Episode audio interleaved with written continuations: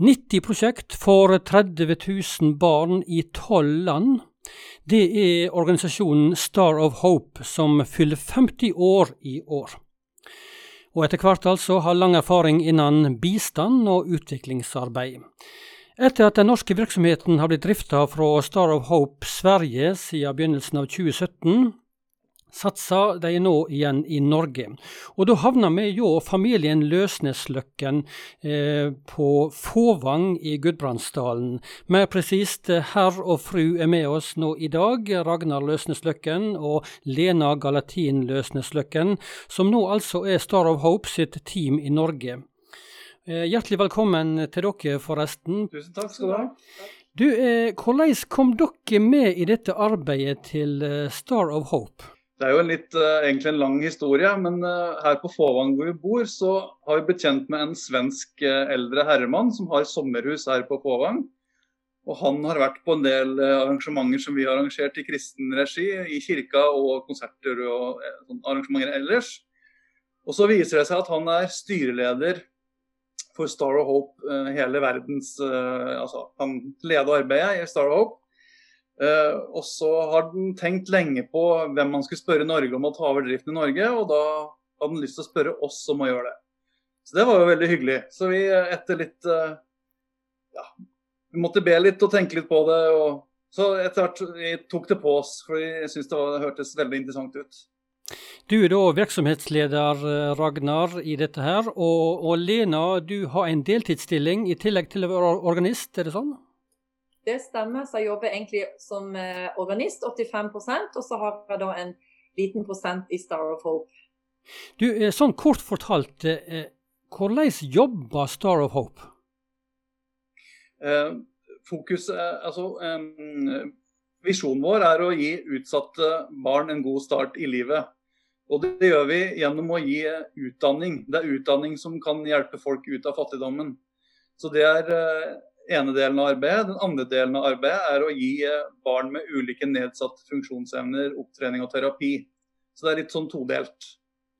Du, hvor mange, Vi snakket om tolv land her, men hvor i verden er, er dette her? Ja, Bl.a. Haiti, Brasil, Argentina, eh, Kenya, Ghana, Filippinene. Og så har vi noe i Øst-Europa for disse eh, funksjonsnedsatte barna. Romania, Moldova, Hviterussland, Latvia.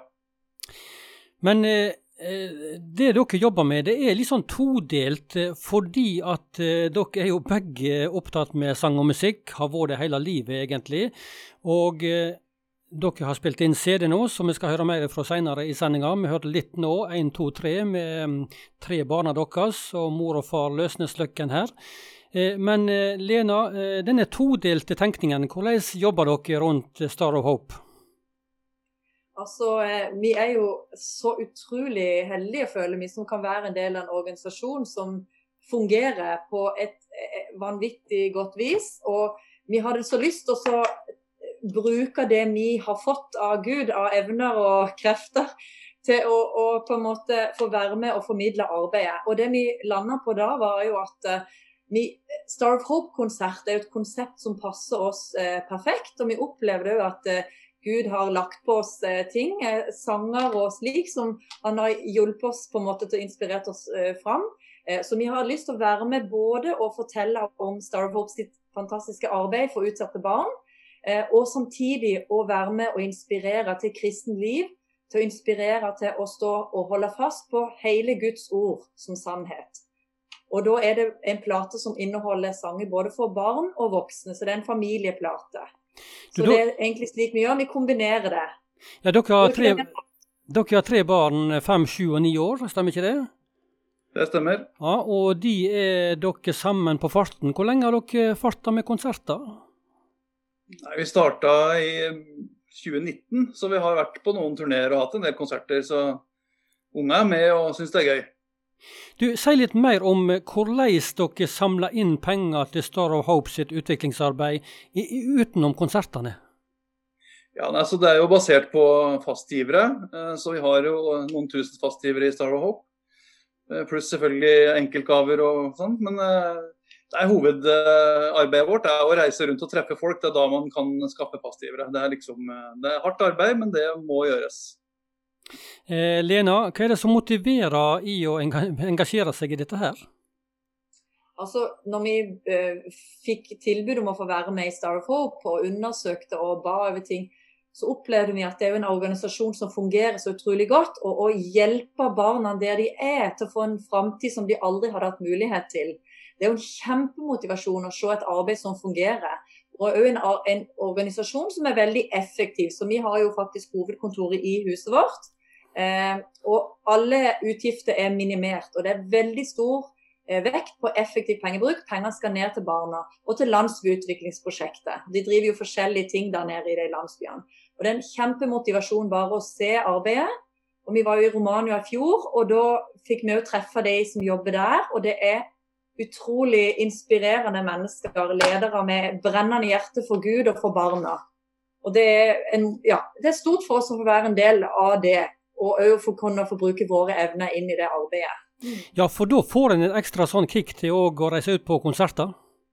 Mm. Ja, absolutt. absolutt. Du, eh, Det kommer si litt mer om eh, musikken nå, for dere har nettopp eh, sluppet nå en CD med egenskreven musikk. Eh, hvordan ble den til? Ja, det er jo litt uh, artig. fordi at uh, altså, Personlig så har jeg jo skrevet musikk uh, store deler av livet i forskjellige sammenhenger. Eh, mens kona her hun har jo har ikke skrevet en eneste sang før fram til i fjor sommer. Eh, så alle tekstene har hun skrevet på denne plata, og så har hun skrevet musikken sammen. Eh, så og så har vi hatt med oss dyktige musikere, og broren til Lena, Thomas Gladaltin han har vært med som produsent. Så det har vært veldig kjekt. Så ja. Og Inspirasjonen kom jo etter vi hadde vært i Romania og sett på prosjektene der som de driver for romfolket. Der lever jo ni av ti av rombarn i alvorlig fattigdom. Så det, ganske, det blir ganske prega av det du ser der, men òg det håpet de får med Star of Hope sin hjelp. Og så driver de òg senter for barn med ulike nedsatte funksjonsevne, som de har gjort siden kommunismen falt i 1989. Trofast og langt arbeid.